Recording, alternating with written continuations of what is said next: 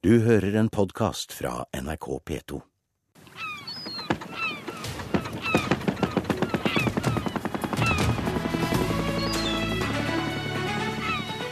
Politisk sommerintervju i Nyhetsmorgen.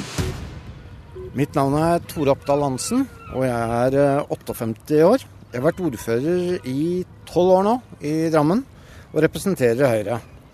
Drammen det er jo den eh, foroverlente kommunen som får til mye. Andre kommuner de kommer til Drammen for å lære. Innen området omsorg, skole, kultur, byutvikling og idrett så har vi gjort mye, og vi skal gjøre betydelig mer. Ja, Vi skal rett og slett gjøre Drammen til en by som du kan bli enda mer stolt av. Tore Oppdal Hansen, nå sitter vi ved Ypsilon i Drammen. Den nye gangbrua som nesten har blitt symbolet på byutviklinga de siste åra. Hvordan oppleves det å sitte her en varm sommerdag? Ja, Det er deilig. Og her på Grønland, som vi sitter nå, så er jo det en eh, bydel som er i full transformasjon. I 2000 så var det noen gamle papirfabrikker her, og nå i 2015 så ser du hvordan bydelen har blitt, med nye arbeidsplasser, med Kunnskapsparken, med nye boliger.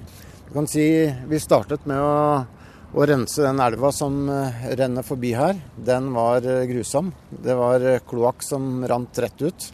Så det var jo ikke noe båtliv på Drammen på 80-tallet. Og i hvert fall ikke noe bading? Nei, og i hvert fall ikke noe bading. Så vi tok og brukte ti år på å rense elven.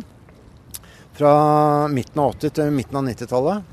Og på begynnelsen av 90-tallet så lagde vi en djerv plan for å bygge elvepark i Drammen. Og siden den gang så har vi bygd 14 km og ca. 400 mål. Et kjempeløft. Og det har bidratt til at områdene rundt elven har blitt som de har blitt. Et attraktivt sted for mennesker. Og det kan vel ikke Høyre ta æra for helt alene, i hvert fall?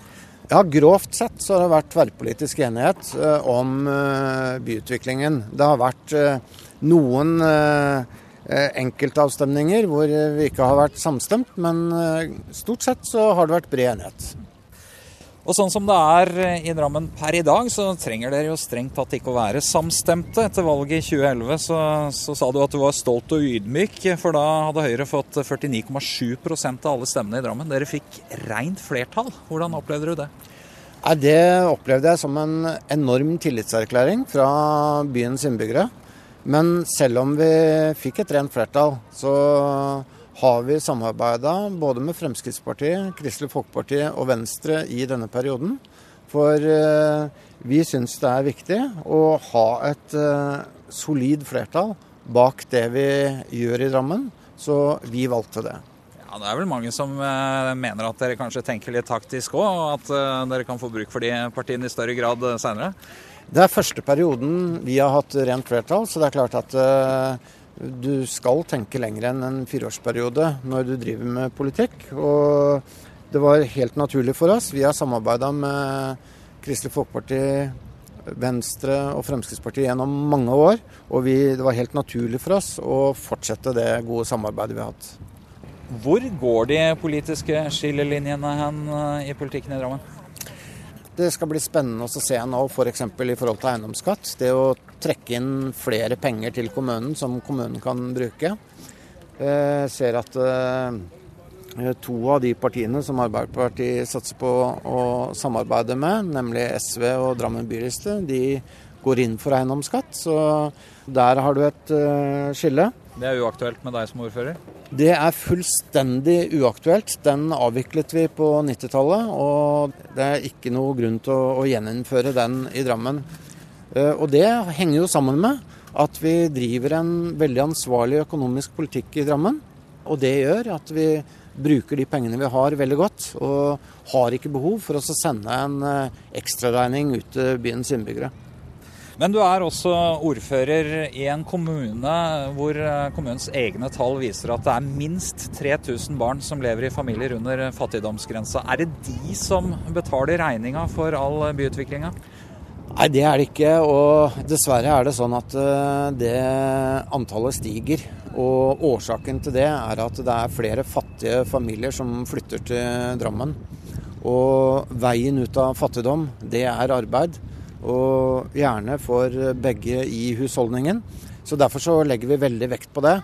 Og vi prøver også å gjøre si, hverdagen litt uh, lettere uh, for de fa fattige familiene. Så i Drammen så er det faktisk sånn at uh, alle som tjener mindre enn 400 000 får gratis barnehageplass. Men likevel så stiger altså tallet? Det gjør det. Hva vil du gjøre med det? Nei, altså Vi kan ikke sette opp noen mur rundt Drammen, og det ønsker vi heller ikke å gjøre. Men vi må jobbe aktivt med at både de som er her, og som da går under definisjonen fattige, og de som kommer tilflyttende hit, at de kommer ut i arbeid. Du, hvis du ser bort på bruenden der, så sitter det en tigger. Hva syns du om det? Nei, Det syns jeg er en veldig vanskelig sak. Og det viser vel det at uh, det beste hadde vært om vi hadde hjulpet dem uh, der de bor. Og jeg tror det er en uh, dårlig løsning å tro at vi kan løse fattigdomsproblemer i Europa og for så vidt i verden her i Drammen. Men allerede i dag i politivedtektene så så finnes det eh, regler som, som, gjør at man kunne gått eh, hardere på tiggerne hvis man hadde ønsket det. Ønsker du det? Jeg eh, er i hvert fall innstilt på at vi må finne en sånn langvarig løsning. Jeg har liten tro på sånn adhoc-løsninger. Vi må finne en god, langvarig løsning sammen. Og jeg er sikker på det at den gode, langvarige løsningen, det er ikke å å, å løse fattigdomsproblemene på fortauene i Drammens gater. Du har hørt en podkast fra NRK P2.